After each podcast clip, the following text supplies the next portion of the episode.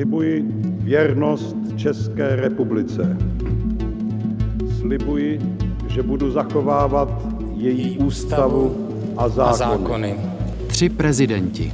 Slibuji na svou čest, že svůj úřad budu zastávat v zájmu všeho lidu. Havel, Klaus, Zeman. A podle, a podle svého nejlepšího vědomí a svědomí. Tři prezidenti očima lidí, kteří je poznali zblízka. Václav Havel. Vážený pane, s potěšením vám oznamuji, že vás právě poslanecká sněmovna parlamentu České republiky zvolila prvním prezidentem České republiky. Úřadu od 2. února 1993 do 2. února 2003. Během jeho funkčního období se ustavil Senát parlamentu České republiky. Jmenoval celkem pět premiérů a 87 ministrů. V roce 1996 ovdověl a o rok později se po druhé oženil. Za prezidenta Havla se v Praze uskutečnilo zasedání Mezinárodního měnového fondu a summit NATO, do kterého Česká republika vstoupila v roce 1999. Dana Drábová, jaderná fyzička. S panem prezidentem Havlem eh, v období spouštění Temelínské elektrárny jsem si několikrát telefonovala a posléze v průběhu roku 2001 přišlo pozvání k rozhovoru, takže já jsem se s panem prezidentem Havlem potkala v domečku na Pražském hradě. Udělám takovou drobnou osobní vzpomínku. Pan prezident říkal, sedneme si do domečku, já v kanceláři nesmím pít pivo. Takže jsem si dala s panem prezidentem Havlem pivo, třetinku Plzně a probírali jsme věci, které ho zajímaly eh, k jaderné elektrárně Temelín on byl považován nebo vnímán jako odpůrce jaderné energetiky a je docela zajímavé, že to tak vůbec nebylo. On se k Temelínu eh, stavěl kriticky, ne proto, že to byla jaderná elektrárna, ale protože měl velmi podezíravý a já si myslím, že částečně oprávněně vztah ke korporacím jako takovým. Ta korporátní etika byla něco, co mu bylo trochu protivné a tím pádem život si nehraje na kdyby, ale kdyby takovouhle fabriku vlastnil někdo jiný než velká korporace, tak by asi jeho vztah byl trochu jiný. Zajímavé možná je, že mi popisoval, jak při cestě vrtulníkem z Českých Budějovic poprosil o to, jestli by mohl Temelín vidět z výšky, což je trochu komplikovaná záležitost, protože okolo jaderné elektrárny je bezletová zóna, nicméně dá se to zařídit. A říkal mi, no a víte, já když jsem to vlastně viděl, tak jsem si říkal, tohle je tak malá úsporná stavba, že na životní prostředí, pokud se tam nic nestane, má daleko menší dopad než ty strašný uhelné elektrárny v severních Čechách. Jaký myslíte, že byl podle vás vztah Václava Havla k exaktním vědám a vědcům? Myslím si, že k něm přistupoval s respektem, aniž by se eh, nějak zvlášť snažil do hlouby těchto přírodovědných či technických oborů proniknout. Jeho svět byl jiný prostě. Je něco, co vám bylo na Václavu Havlovi sympatické? Skoro všechno, ale hlavně to, že to byl normální člověk. Vzpomenete si na něco, v čem jste si třeba společně notovali? Vy jste zmínila to, že jste si prostě dali pivo, tak jestli jste měli možnost si i říct takovéhle obyčejné věci, co máte rádi, nemáte rádi. Popovídali jsme o psech. Jako český prezident podnikl Václav Havel 141 zahraničních cest, nejčastěji mířil do Německa. Dvakrát navštívil naše vojáky na misi SFOR v bývalé Jugoslávii. Celkem 90krát přivítal Václav Havel v Česku hlavy jiných států, včetně anglické královny, japonského císaře i ruského a dvou amerických prezidentů. Lubomír Zaorálek, politik. Když jsme vyhráli ve volbách v době, kdy on byl prezident a nastoupila sociální demokracie v čele s Vladimírem Špidlou. To byl okamžik, kdy jsem s ním se asi bavil nejdéle. O čem hlavně jste spolu mluvili? to je zajímavý, protože myslím si, že to bylo o té politické situaci v zemi určitě a pak jsme se bavili strašně moc o lidech kolem a o tom, co se v nich skrývá a co od nich se dá čekat. A potom později, když už bilancoval ten svůj pobyt v politice, a to bylo často takové trochu chmurné, protože on měl trošku jakoby dojem, že ta jeho politická dráha neskončila, jak by si přál, že nedokázal vytvořit něco, co by vydrželo a z čeho by měl pocit, že to přetrvalo a že v tom mohou přetrvat třeba i ty jeho myšlenky. Problém u Václava Havla byl v tom, že on vlastně byl zvyklý se neustále pohybovat mezi svými přáteli. Že jo? A možná jako kdyby se bál té politiky proto, protože myslím si, že k politice patří, že musíte jednat i s těmi, se kterými byste ani moc jednat nechtěl. On mě třeba zval na tu vilu Amálku, kde dělal takové debaty s hosty, které tam zval. No to se rychle narazilo, protože já jsem mu vyčítal, že do té Amálky si zve hosty jenom určitého typu ale vlastně i stělesňující jeden určitý postoj a názor. A já jsem mu právě říkal, no to tak nejde, teď přece tady je třeba pozvat ty, kteří si myslí taky něco jiného. To by byla teprve debata. Jaké? My se mě ptali, jaké, tak jsem mu řekl pár typů a on mi říká, no ti by tady šířili špatné vibrace. A to se mi zdálo, že byl v tom ten zakopaný pes. Jak jsem říkal, že on nepřijal tu politiku jako místo, kde se střetávají názory, člověk se učí kompromisům, tak on vlastně trochu pokračoval v tom, že budoval ty aliance přátel lidí, kteří smýšleli podobně a neměl moc chuť jako jít do konfrontací s někými, kteří smýšlí jinak nebo je cítil, že patří jinam. Vzpomenete si na něco, čím vás Václav Havel překvapil nebo zaskočil?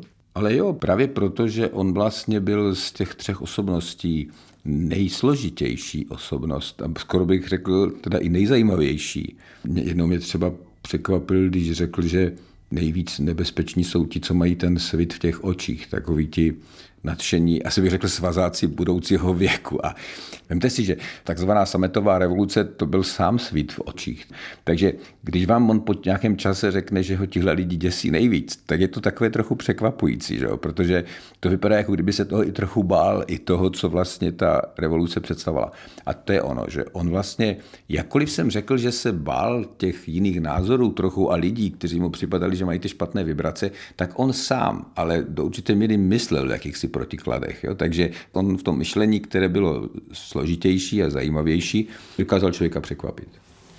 Byl podle vás Václav Havel dobrý politický strateg? No to právě nebyl. Jako, to si myslím právě, že to je část toho umění, které se nechtěl naučit.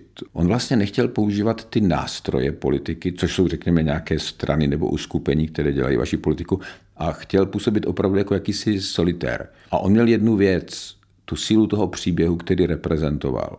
Tím získával autoritu velikou v zahraničí a to samozřejmě platilo i v té České republice samotné. A to vlastně způsobilo, že v té politice vůbec mohl být, protože to nahrazovalo to, že neměl tu stranu, která by ho kandidovala. Jako dramatik měl Václav Havel blízko ke kultuře. Národní divadlo navštívil oficiálně devětkrát a každý rok byl pravidelným hostem Karlovarského filmového festivalu. Herečka a hlasová poradkyně Jana Postlerová okomentuje veřejné vystupování a mluvní projev Václava Havla. Důvěru v jedince jako skutečného tvůrce hospodářské prosperity bychom měli v skutku cílevědomně a daleko nebojácněji než dosud rozšiřovat i o důvěru v jedince jako občana, schopného přebírat svůj díl spoluodpovědnosti za věci celku. Jak byste okomentovala mluvní projev Václava Havla? Tak musíme to rozdělit. Něco je technika a něco je obsah slov. Co se týče techniky, takže měl pěkný hlas, takový ten basbariton, který se v češtině dobře poslouchá. To bylo hezký. Bohužel tam trošičku mě vadili to jeho r a ř, ale u něj to bylo tak, že jsme to přijali a působilo to na nás dokonce i roztomile, že prostě má nějakou vadu pan dokonalý vlastně, že má nějakou vadu. Jo, a trošku bych mu vytkla, nedával důraz na předložku. A on řekl předložku a potom udělal tu pauzičku, takovou tu mezítku, která tam je, a pak řekl slovo. A to je nepsaná zákonitost naší mateřštiny, že důraz je na předložku a propojí se to, protože my mluvíme podle přírodního zákona vody, aby to plulo, aby ten člověk to pochopil. Takže to jsou jenom takový malý, malinkatý výtky, ale tam je pro mě velmi důležitý právě ten obsah slov, to, jak to říká, že má vnitřní radost, že může říkat pravdu, že ho někdo poslouchá.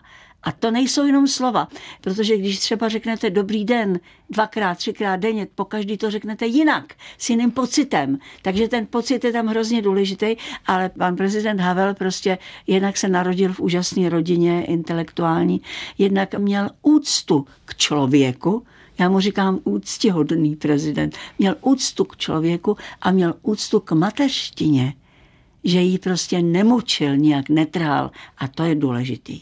Toto byl projev, který byl čtený z ano, předem ano. připraveného textu, ale když si vybavíte třeba jeho spontánní odpovědi, reakce v nějakém pořadu, v nějaké debatě s novináři, Jaký on byl řečník? Tak... Vynikající, vynikající. A to souviselo právě s tím, že byl dramatik, že si to uměl vystavět a on si to vystavěl nejdřív v hlavě, pak to napsal a ještě tak jako něco udělal, tak, tak, tak. Ale on byl vynikající právě, rétor, kdybychom to takhle nazvali. Václav Havel pokračoval v tradici novoročních projevů. Vedl několik soudních sporů s bulvárem kvůli hanlivým článkům o něm a jeho druhé ženě Dagmar.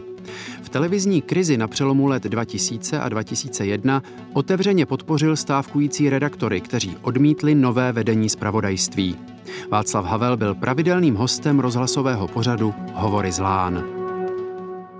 Petr Nováček, novinář. Jaký byl vztah Václava Havla k novinářům? Oproti tomu, co nastalo později vysloveně v Lídny.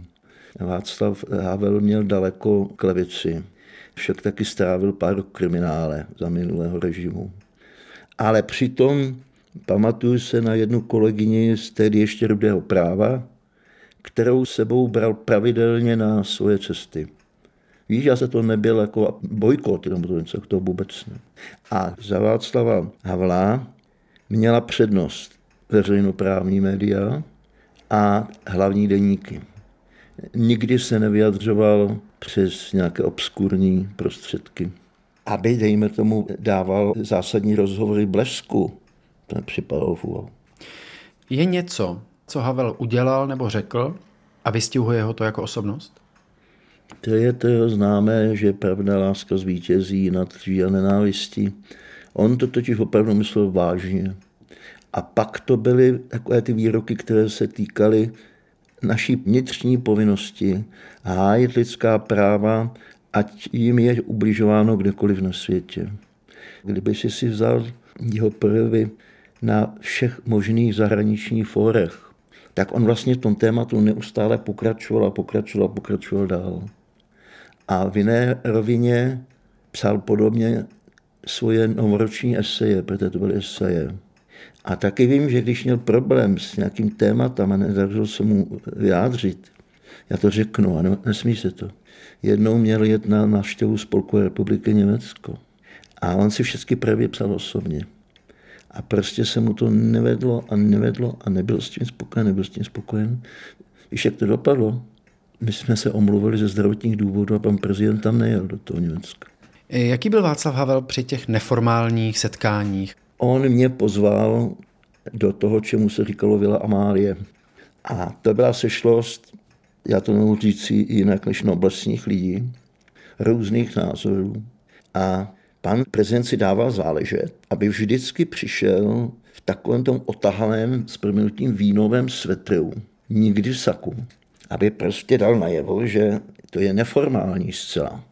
No a neformální byl i způsob komunikace Jednou jsem ho velmi rozčílil, nebudu říkat čím, to nemá smysl. A on slovy nelíčený mi, mi teda říkal, no to jste mě teda a tak dále. A já jsem mu říkal před tím ansámblem, no, vlastně, no to vy mě taky, protože jak můžete říct takovou volovinu? No a víš, co se stalo?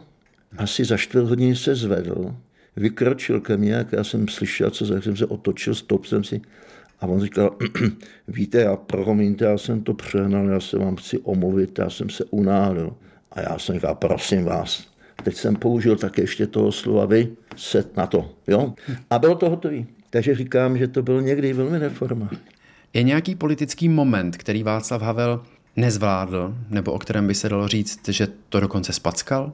No já ti povím, co se mu nepovedlo. To bylo poté, co Klausova vláda drvá musela podat demisi. A pan prezident to vyřešil tak, že přemluvil pana Tušovského, guvernéra centrální banky, a vznikla na půl roku, který se říkal úřednická, ale nic takového v naší ústavě není, polopolitická vláda. Byla složena ze zástupců tří politických stran a z odborníků. A tehdy Václav Havel ze svého hlediska udělal chybu. Václav Havel se měl důsledně přidržet ústavy a měl říct, vítěze minulých voleb poslanecké sněmovny je občanská demokratická strana, takže vyzývám pana Václava Klauze, aby se stavil druhou vládu. Tím by padla kosa na kámen, protože v tehdejší situaci by ani Oda, ani lidovci do té vlády nestoupili.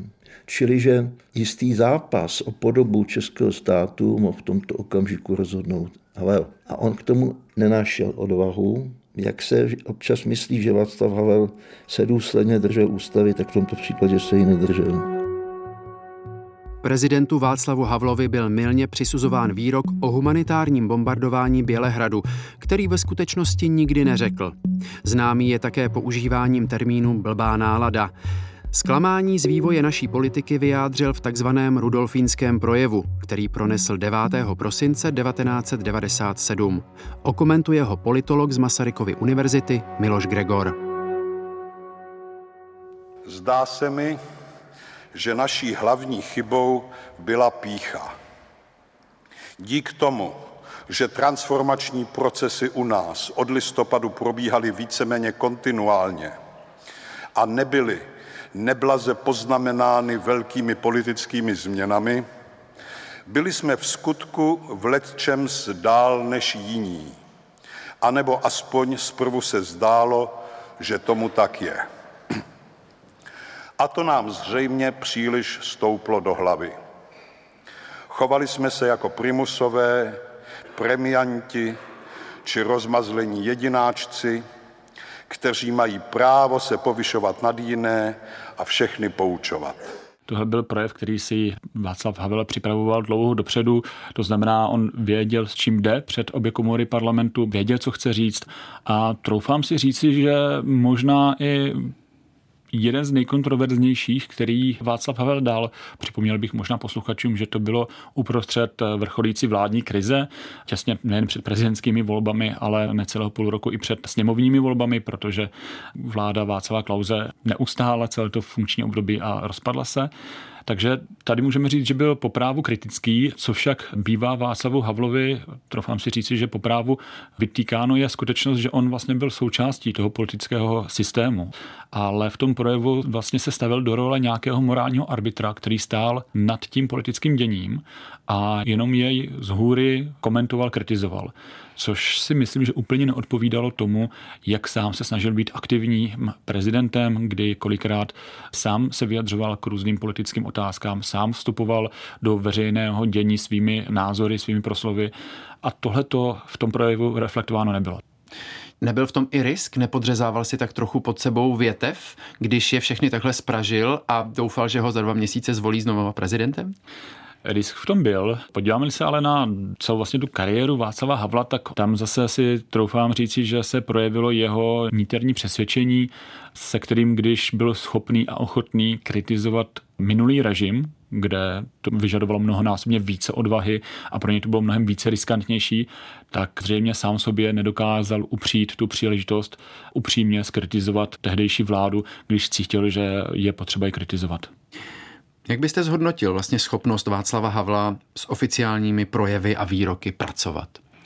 do jeho schopnosti pronášet veřejné projevy, různé rozhovory dávat a podobně, si myslím, že se opravdu velice propsala jeho zkušenost dramatika. Bylo vidět, že má velice bohatý slovník, dokázal nacházet barvitá přirovnání.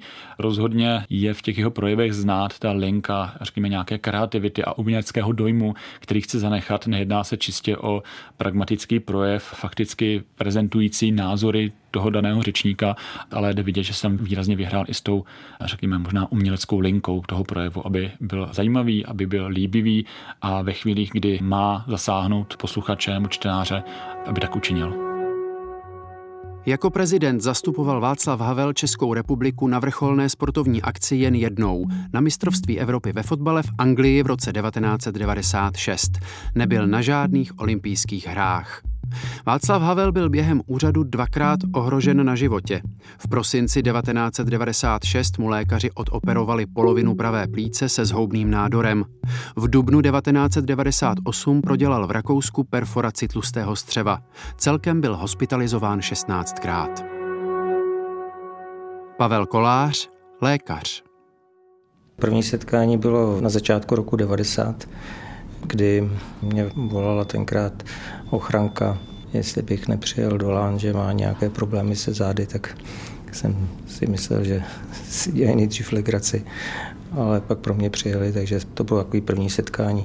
A pak prakticky až do roku jeho smrti jsem byl v rámci jeho konzílí a by posléze vlastně jsme řešili velmi časté infekty zápalu plic a vlastně fyzioterapii respirační. Jaký byl Václav Havel jako pacient? Jak přijímal vaše rady a doporučení?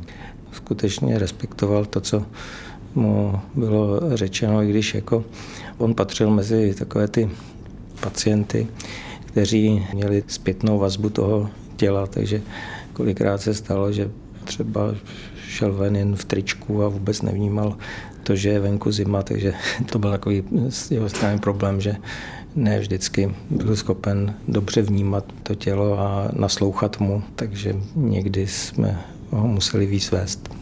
Já jsem moc ani nevěřil, že přestane kouřit, ale skutečně po tom onemocnění plic, po tom tumoru teda přestal kouřit a myslím si, že občas eh, si tak jako zašel do nějaký eh, samoty a tu cigaretu si dopřál, ja, takže to jsem párkrát ho načapal, ale bylo to minimálně a snažil se to skutečně konečně omezit. Ze začátku skoro vůbec, ale pak když byl eh, mezi kamarády a nebo když byl někdy sám, tak si zapálil. Doporučoval jste Václavu Havlovi například nějaký sport nebo cvičení? Prezident Havel nebyl moc sportovec, on říkal, že tělo je k tomu, aby nosilo hlavu. Takže spíš bylo důležité, aby jednou za určité období strávil kondiční pobyt formou rotopedů, plavání, procházek že mu se nechtělo moc, vždycky říkal, ta túra tam mě nebaví, ale bylo důležité prostě ho trošku přimět k takovému jako kardiotréninku. Jinak já jsem měl i možnost si s ním zahrát fotbal, basket, tenis. On úplně nešikovný nebyl, ale tím, že nikdy nesportoval, tak by bylo nesmyslem ho nutit k nějakému sportu. Měl jste někdy strach o jeho život? Tak já jsem byl prakticky třikrát v době, kdy skutečně se hrálo na hranici života a smrti a bylo to velmi nepříjemné, protože jsme absolutně bojovali o to, že si přežije nebo nepřežije a podařilo se to. Já si myslím, že hodně pomohlo Václava Havla také to, že měl dobrý kořínek. Byl váš vztah s Václavem Havlem pouze profesní, tedy lékař, pacient, nebo přesáhl do roviny osobních sympatií? Tak eh, vzhledem k tomu, že jsme se znali roku 90, tak samozřejmě vznikl určitý vztah, ale pořád jsme si drželi mezi sebou takovou trochu vzdálenost. Já jsem i to sám chtěl, i když jsme si nabídli tykání, tak jsme zůstali až do jeho smrti u vykání, protože jsem si říkal, že to je lepší poloha pro to, když chce člověk nějakým způsobem použít nějaký trošku autoritativní prvek. Václav Havel a jeho odkaz. Myslím si, že jeho hlavním odkazem je nějaká pokora a ochota sloužit a naslouchat. Václav Havel byl vynikající prezident pro svou dobu. A ještě navíc přinesl České republice velké mezinárodní uznání, protože byl velmi přemýšlivý, velmi pečlivý na formulaci věcí, které chtěl světu sdělit. Především myslím, že nám prolongoval odkaz Masarykův, totiž, že máme být slušnou zemí a že naše místo je mezi zeměmi demokratickými právě jenom na té jedné straně, ne na té druhé. Myslím si, že přines pro Českou republiku důstojnost a i ta jeho kultura vystupování byla taková, že jsme se nemuseli stydět. Úcta k člověku a veliká pokora. On když mluvil, tak vždycky trošku udělal mm, mm, jakože se bál, aby toho člověka neurazil. A to tam já prostě cítím. Na něho někteří opravdu navazují. To, co vypadalo pro některé, že to je jenom myšlení, které je příliš ve sporu s tou realitou té politiky, tak tady najednou někdo říká, ale ne, tak jak se to vyvíjí, tak to vypadá, že tohle ještě bude zajímavé. Milí přátelé, loučím se s vámi jako váš prezident, zůstávám s vámi jako váš spoluobčan.